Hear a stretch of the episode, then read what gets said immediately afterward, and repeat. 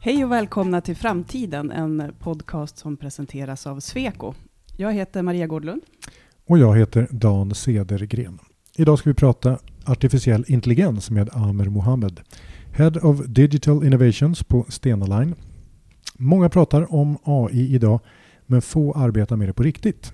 Det gör Amer. Han driver innovation i ett traditionellt transportföretag och har som vision att hela Stena ska arbeta med artificiell intelligens i sin dagliga verksamhet. Amer Mohammed, välkommen till framtiden. Tack så mycket. Kul att vara här. Varför arbetar du med artificiell intelligens? En stor bred fråga. oj, oj, oj, direkt. Nej, men uh, det handlar ju mest om att uh, det är en, en tro som, som uh, vi har bettat på om att det kommer förändra inte bara hur vi gör affärer utan även beteenden och samhället i stort. Så det är egentligen därför. Och, och vad är det ni gör? Ehm, vi försöker se till att alla delar av bolaget på ett eller annat sätt använder machine learning mm. i sin dagliga verksamhet. Så det vi försöker se till är att eh, automatisera bort allting som en dator kan göra mycket, mycket bättre än, än eh, vi människor. Så att vi kan sätta människorna på någonting mycket, mycket roligare och det är att jobba med kundupplevelsen. För det är det som är huvudsyftet eh, till allting. Så det är inte så att vi vill sparka 6000 pers. Utan det handlar mer om att vår tro är att i framtiden, quote unquote, så är det egentligen bara upplevelsen som gör att man vinner över en kund. Ingenting annat. Eh, teknik, om man tittar till exempel på 70, 80 och 90-talet så var teknik någonting som eh, stora bolag hade råd med och kunde skaffa sig konkurrensfördelar med. Men idag, jag brukar skämtsamt säga att jag har ett kreditkort som har typ minus 40 000 i saldo eller något sånt där. Eh, och med det kortet har jag tillgång till exakt samma AI-teknik och lika kraftfull som Stena Line har. Och det är typ 12,5 miljard på deras kort.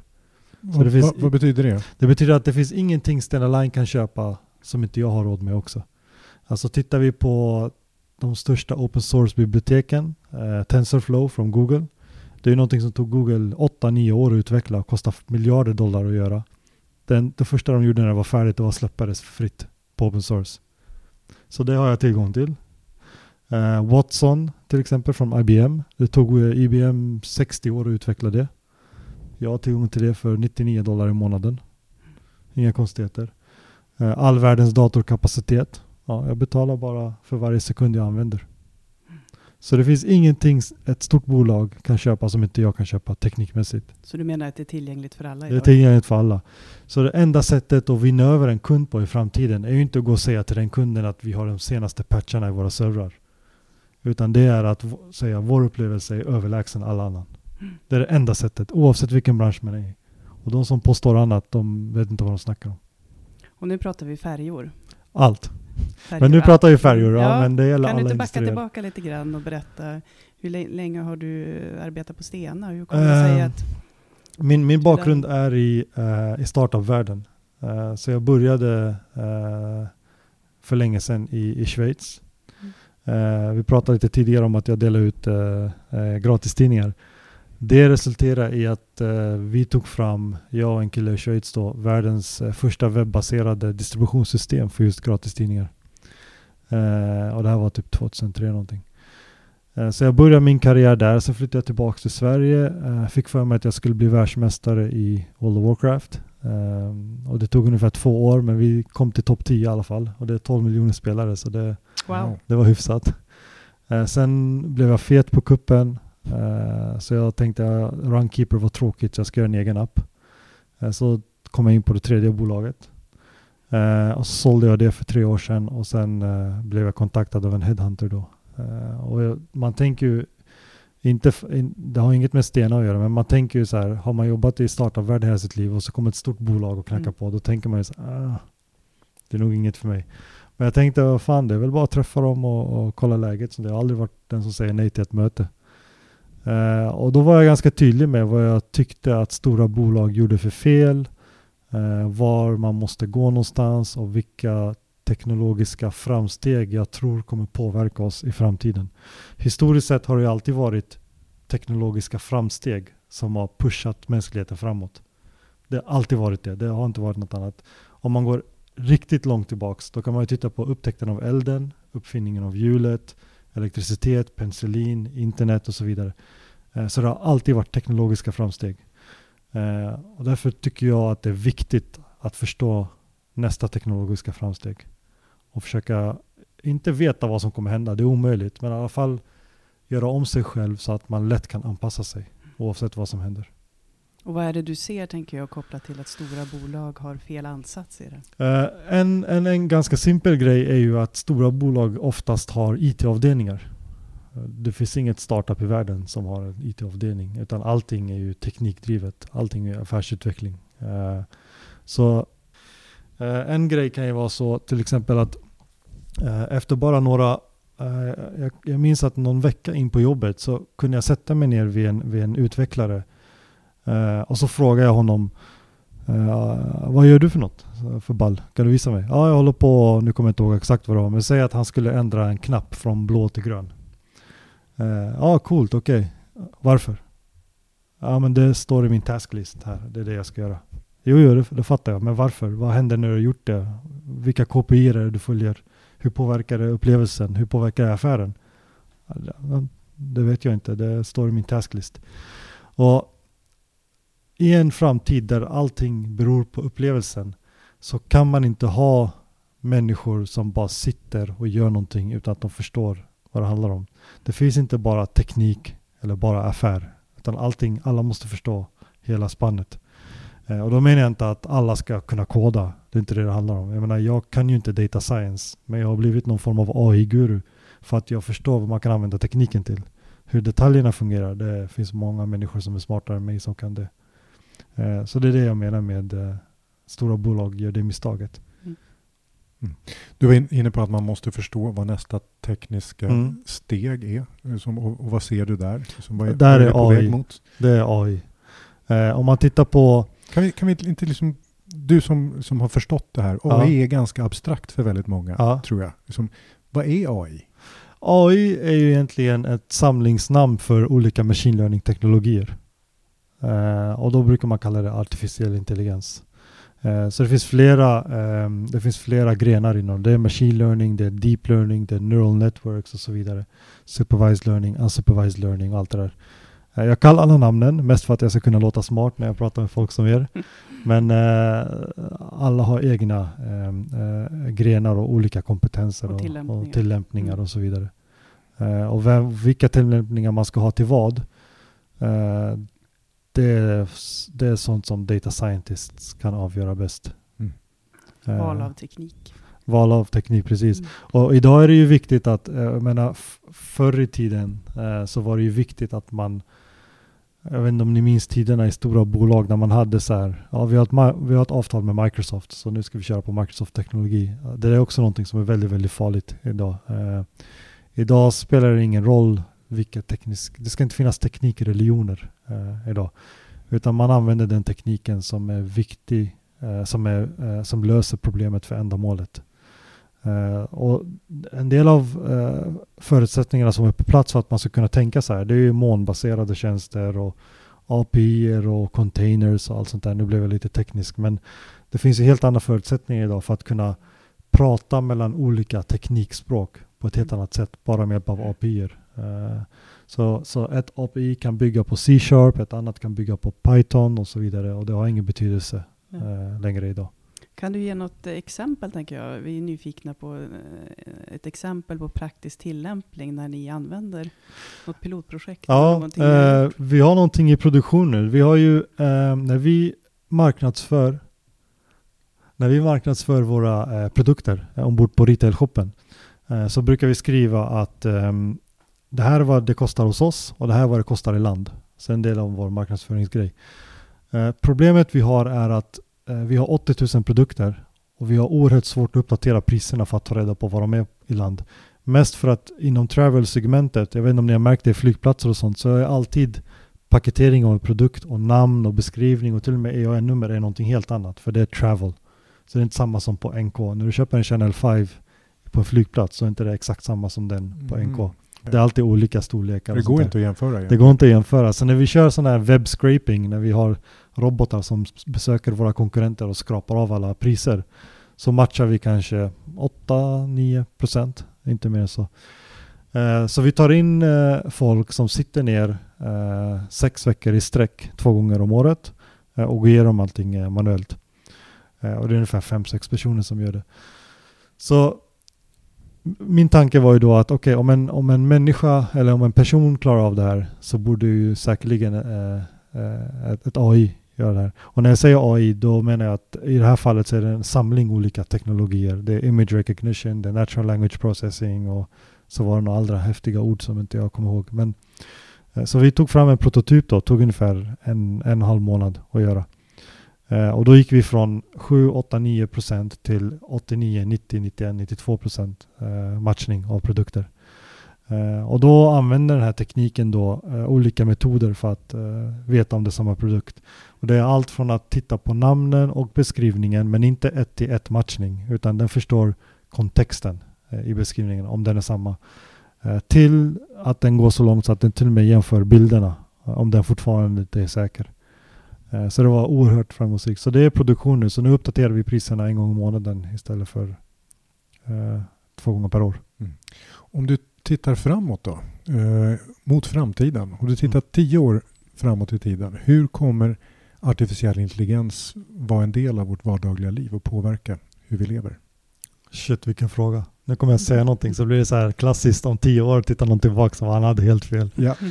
uh, jag tror att det kommer bli så eh, integrerat i vårt liv så vi kommer under en period på två, tre kommande år så kommer det bli, jag tror mycket så här diskussion och dialog och debatter kring hur integriteten påverkas. Men efter det så tror jag att det kommer bli så integrerat så det är ingen som kommer tänka på det. Eh, och det kan vara allt från linser i ögonen som eh, med hjälp av AI och AR, augmented reality då, eh, visar information hela tiden. Eh, till att våra personliga devices, och då menar jag inte mobil, idag är det kanske mobil, men om, om tio år är det säkert något helt annat. Till att våra personliga devices blir en, en, en uh, mer som en life companion än en personlig device.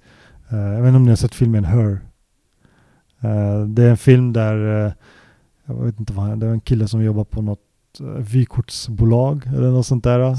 och så köper han hem ett operativsystem och så fort man startar det operativsystemet så är det så här en, en, en kvinna, en kvinnlig röst i det här fallet som han har valt. Och hon blir hans personliga companion genom livet. De, de diskuterar filosofiska frågor, Eh, boka tider åt honom, eh, reser, föreslår massa saker. Du har ju sett den, jag ser hur du nickar. Och där ser vi Googles senaste lansering ja, nu också. Såg ni det? Två dagar sedan. Mm. Google Assistant. Mm. Ja, det var läskigt. Alltså mm. det, det var helt mindblowing. Mm. Berätta. Uh, det, det, de visade ett demo på uh, Google Assistant, jag vet inte om du känner till det. Det finns ju idag i, i Googles telefoner. Eh, där eh, man kan säga till assistent att boka en, eh, ett restaurangbesök åt mig för, för tre pers nästa vecka på onsdag till exempel. Då ringer den upp restaurangen och du kan inte höra att det är en robot. Alltså den låter 100% som en människa. Ja, det var riktigt imponerande. Ja, det, var, den, ja. den till och med hade de här um, ja, det, liksom, det var 100%. Det går inte att höra att det är en robot. Usch vad läskigt. Så alla kommer ha en personlig assistent ja, i framtiden? så i framtiden, jag menar, precis som idag när du ska boka en flygbiljett så går du inte till klm.com eller sas.se utan du går till Momondo eller Expedia och sånt där. Så skiter du fullständigt i vem det är som opererar det flyget. Mm. I framtiden, och det är därför upplevelsen kommer vara så viktig, i framtiden är det ännu mer disconnectat. Det kommer vara assistenter som pratar ja, med assistenter. Precis. Så vår, för vår chattassistent till exempel Stina, Uh, när vi bygger henne så är det inte för att, nu säger jag henne men det är för att det är tjejnamn. Uh, när vi bygger henne så är det ju inte så att vi bygger en chatbot. Det är inte det som är visionen. Utan den framtiden där virtuella assistenter pratar med andra virtuella assistenter. Det är därför vi bygger Stina. Så att vi kan hantera den framtiden. Då kan det bli jobbigt om man inte har en virtuell assistent Exakt. som företag. Men vad gör vi när alla virtuella assistenter pratar med varandra? Ja, men det, tänk dig att du ska vi, vi, kan ta ett exempel. Säg att du ska eh, förhandla ett nytt bolån. Det du kan göra är att säga till din assistent, jag vill ha, eh, kan du snacka med alla banker över hela världen För på, på, om tio år då finns det ju blockchain och bitcoin och allt det där. Så det finns inte gränser som det gör idag. Eh, och så snackar du med alla banker i hela världen. Antingen gör du det, eh, 20 000 banker är någonting som är relevant för dig. Eller så får hon göra det på tre sekunder. Eh, och så säger du jag vill ha en bank som eh, inte sysslar med olja och vapen. Då går den ut och så jämför den alla, pratar med alla bankernas assistenter. Eh, se till att de uppfyller de villkoren du har frågat efter. Eh, och sen gör lite initiala förhandlingar för att visa de bästa erbjudandena. Och sen presenteras du eh, de fem bästa. Och sen tar du det vidare därifrån. Så det, det gynnar ju både dig som konsument för att det är helt större, du har större möjligheter. Och eh, bankerna eh, har större chans att eh, hålla in det är fantastiskt. Um, nu vet jag inte om det kommer bli så, men det är vad jag tror. Det, nu har du sagt det, så, att, så att vi, vi, har det på bandet. Ja. Uh, om man tänker kring den fysiska verkligheten då, som vi ja. jobbar mycket med ja. och, och skapa uh, här på Sweco. Hur tror du att artificiellt påverkar den? Mm. Jag tror att eh, om man tittar på det här med transport till exempel i samhället så det är någonting som kommer ske på ett helt annat sätt eh, än vad det görs eh, idag. Jag tror inte trafikljus kommer behövas till exempel, oavsett om vi har autonoma bilar eller inte. Ehm, jag tror att eh, jag, jag, såg ju jag såg ju också på demo för två dagar sedan där Google lanserar sitt nya eh, positioneringssystem som de kallar VPS, Visual Positioning System istället för Global Positioning System. Där man med hjälp av kameran kan direkt titta på någonting och så säger den exakt vad det är för något och vart du ska gå härnäst om du har satt på navigation någonstans. Alltså det, på en millisekund så säger den bara ta vänster. Det är hit du ska. Eller den ritar ut en pil på asfalten mm. framför dig med hjälp av augmented reality. Jag tror att det finns mycket större möjligheter där eh, om de som bygger samhällen jobbar tätt ihop med techbolagen så att istället för att Google ska lägga ner massa tid på att visuellt känna igen en byggnad så ska byggnaden kunna prata med Google mycket bättre och smartare med hjälp av olika IoT-lösningar. Eh, för att eh, kunna göra sådana här tjänster, typer av tjänster. Mm. Hur tänker du då? Kan du utveckla? istället för att de ska behöva lägga ner, nu fick de ju lägga ner fyra år på att utveckla det här, känna igen en byggnad visuellt, till att man kanske ska bygga eh, byggnader som direkt talar om för alla telefoner i ett område vad det är för byggnad, eh, hur den ser ut, var den är positionerad någonstans, när den byggdes och allt sånt där. Vad den innehåller just nu, hur många människor är inuti, hur många är i den demografin, hur många är i den demografin och så vidare. För det är det de är ute efter. Uh, och det kommer hända, vare sig vi vill eller inte. Uh, och då kan man lika bra underlätta det så att uh, progress kan ske mycket, mycket fortare. Tycker jag. Men vissa tycker det är creepy. Men för tio år sedan så var det ju helt otänkbart att man skulle stoppa in sitt kreditkort på en hemsida. Det kunde jag aldrig föreställa mig ens i vildaste fantasi. Idag har jag gjort det fyra gånger och klockan är inte ens tolv. Mm. Saker och ting förändras. Mm. Beteenden förändras radikalt. Mm. Det, det finns ju, du känner man väldigt tydligt en artificiell intelligens optimism. Eller liksom, du, du, är positiv till det. Ja. Det finns ju de som är oroliga och ja. uh, tänker mycket kring liksom, var ska mm. det här leda någonstans? Mm. Och liksom när, den här när vi når vad heter det, singularitet, mm. när liksom, mm. den artificiella intelligensen överskrider människans samlade mm. intelligens. Vad händer då? Tar de över? Liksom, Om man läser Max Tegmarks bok Liv 3.0 till exempel så så han har väl 13 olika scenarier för, för hur det ska kunna gå för ja. mänskligheten och det är väl kanske två som är okej. Okay, liksom. De andra är katastrof. Liksom. Ja, vi, ja. Blir, vi blir husdjur eller vi blir utrotade eller, eller så. så. Vad tänker du kring det? Jag menar om du frågar mig eh, utifrån mitt mindset och jag är ju alltid optimistisk lagd eh, så ser jag det som någonting positivt. Men om man ska vara objektiv och titta på hur världen ser ut idag och vad som är viktigt, vad som tycks vara viktigt för människan, så kommer det gå åt helvete. Eh, så är det bara. Eh, för att det här AI, det kommer ju reflektera våra värderingar. Och man kan ju se idag vad det är som premieras, det här med högerpolitik och, och Trump och mm. det som sker i Israel och Palestina och allt det där. Eh, så tyvärr är det så att det kommer ju reflektera det. Mm. Och då kommer det bli, det, det pågår många diskussioner idag, mm. filosofiska diskussioner, om, eh, om man låter ett neuralt nätverk lära sig på, eh, på internet. då blir det en ju bias. Då blir det ju liksom att Mm. mexikaner tycker om mexikansk mat och städar, jobbar som Vilket vi har städare. sett och- flera exempel på Ja, redan. vi har sett flera Mm. exempel på det. Mm. Eh, så, så är det ju om man ska vara objektiv. Mm. Eh, men eh, som sagt, är man optimistiskt lagd så hoppas jag i alla fall att eh, vi inser att så här kan vi inte hålla på så som vi gör nu. Vi kan inte ha, jag menar, ta en sån grej som landsgränser. Det är, det är, alltså många av de konflikter som pågår just nu och nationalism och allt det där. Det är ju på grund av en påhittad sak. Eh, har, vi, har vi kryptovalutor, har vi hyperloops där det tar sju minuter från en stad till en annan inom hela Europa. V- vad betyder det då att det finns alltså ett land? Vad innebär det? Ser du ett behov av begränsning och kontroll av artificiell intelligens? Definitivt. Eh, Mm. kanske inte begränsning men regulation i alla fall. Mm. Så man vet vad det är som pågår och vad det används till. GDPR till exempel, det är Mm. ett stort steg framåt i, i den riktningen. Mm. Ehm, så definitivt försökte.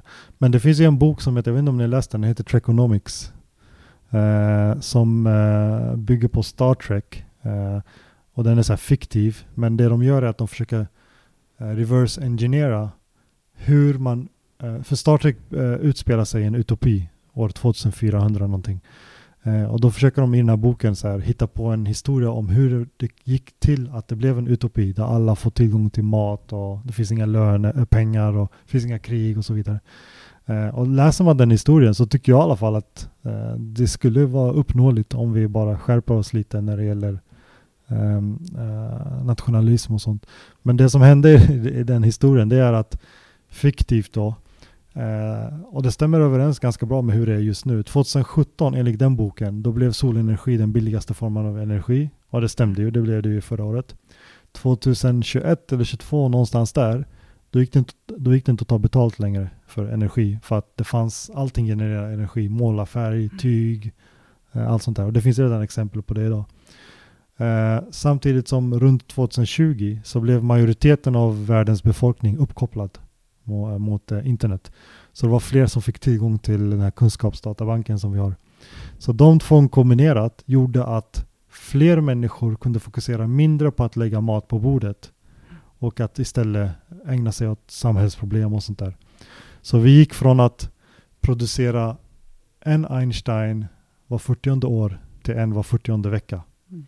Eh, och det är inte det att vi blev smartare utan det är bara mer människor som har tid att, att tänka på sånt. Eh, och då, i och med att energi var gratis, eh, generell AI uppfanns runt 2040 enligt den boken. Eh, och energi var gratis, fler Einsteins. Då var det någonstans runt 2050 där någon, och det här är så här läskigt specifikt, jag vet inte varför de är så specifika i boken, men det var en indisk 14-årig flicka som listar ut hur man omvandlar energi till materia. Så vi kan ju göra materia till energi, men vi kan inte göra det tvärtom. Eh, och när de listade ut det, och kom ihåg nu, energi var ju gratis, så kunde man skapa saker utav energi, eh, utav solen då. Och då kunde man skapa mat, man kunde skapa allt man behövde. Det fanns inga, eh, inga begränsningar längre. Och då behövde man inte pengar för att köpa mat längre och så tog de bort det och sen började vi befolka eh, universum, eller i alla fall solsystemet och då tog de bort det här med landsbehov och sånt så det fanns inget att kriga över. Eh, och sen blev det som det blev Vilken, vilken vacker vision. Ja, vacker vision. Vi, hop, vi hoppas det går åt det hållet. Du är inne på en det. fråga som, som också är kontroversiell kopplat Ja. till AI och det är ju det här med jobben och vad Mm. vi ska göra Mm. för någonting. Kommer, kommer det här leda till att det finns färre jobb framåt eller inte? Och där, där delas ju åsikten Ja. också. En, Mm. en del hänvisar till historien och säger det, ja men när, när industrier har försvunnit ja. eller minskat så, så har det kommit andra jobbtillfällen. Mm. Mm. Jag tror det. Alltså, jag tror de kommande 50 åren, fram, fram till singulariteten, om det nu kommer om 50 år, så kommer det bara vara så att vi kommer skifta jobb. Så det kommer bli roligare jobb. Eh, och inte repetitiva, monotoma jobb. Fem, om, mellan 50 och 100 år, ja, då kan det vara utmanande tror jag. För då kan datorer göra det som vi kan i princip. Eh, och då är det, men den diskussionen orkar jag inte ta. Det är för långt Det får barnen ta. Du, du började med att berätta om hur tillgänglig artificiell intelligens är. Att du har Mm. tillgång som, som, som Stena, Mm. Stena Line har. Har du exempel på liksom, om man ska närma sig AI-teknologin Mm. som, eh, som novis, Mm. liksom, finns det någon rolig app eller liksom, finns det någon, någonting som man skulle kunna börja Test- testa med. Ehm, Det finns många augmented reality-appar. Ja, augmented reality, är det en typ av artificiell intelligens? Ja, för det, det, det är en enabler. Alltså att, att telefonen kan processa eh, grafiken eh, i realtid genom kameran. Så det är en sak. Men det finns ju även eh, appar som eh, med bildigenkänning. Till exempel, ehm, det finns en app för att kolla hud, hudsjukdomar, eller vad är det, hud, eh, hudutslag. Just det. Eh, det bygger ju på eh, machine learning också. Att det kan varna om okay, men det här är någonting du borde kolla upp eller inte. Så det är bara att söka på App Store. Oftast har det med bilder att göra. Mm. För det biblioteket är det mest populära, det är TensorFlow från, från Google. Mm. Men jag uppfattar att du, du ser att AI kommer ha betydelse för alla branscher. Ja, det finns ja, ingen absolut. exkluderat Nej, nej, nej. någonstans. Så. Absolut inte. Vad har varit dina egna utmaningar, tänker jag, då kopplat till att driva den här utvecklingen? Vad, vad, vad, vad har du för tips liksom, att ta med dig om man är en verksamhet idag som, in, som Mm. inte har börjat fundera så mycket på det här? Ehm, det första vi gjorde, och det här började vi med för två år sedan, det var ju att se till att vi samlar alla datakällor på ett ställe. eh, I molnet då. Eh, så det, det är oerhört viktigt, annars kommer man spendera mer tid på att försöka få tag i datat än att eh, faktiskt försöka Göra bra utvinna. Ja, precis. Till en, Ehm, och eh, när man har gjort det så nummer två är att inse att data scientists är den nya kärnkompetensen. Så det är viktigt att förstå. Eh, men man behöver inte börja med att anställa 40 stycken utan det man kan göra är att man kan gå utanför huset till en början. eh, ge dem ett dataset, eh, beskriva ett problem och sen se om de kan lösa det. Och det vi snackar en månads arbete, alltså det är inte en stor investering och stoppa tån i vatten och bara känna lite. Det är inte miljoner utan det är några hundratusen. Mm. Kan du se branscher som har potential att revolutioneras av artificiell intelligens? Uh, hälsobranschen. Eh, definitivt. Varför det? Eh, det, finns, det kommer många AI-tillämpningar nu där ett AI kan bättre avgöra till exempel på bilder, eh, eh, röntgenbilder och så vidare. Om det är någonting som behöver kollas upp. Ehm, och eh, kunna bättre utifrån massiva datakällor avgöra om, eller förutse om det är någonting som kommer att hända längre fram när det gäller speciellt genetiska sjukdomar. Mm. Stort tack Amer Mohammed, Head Tack. of Digital Innovation på Stena Line. Tack så mycket. Och tack till er som lyssnat på podcasten Framtiden som presenteras av Sweco. Jag heter Dan Cedergren. och jag heter Maria Gårdlund.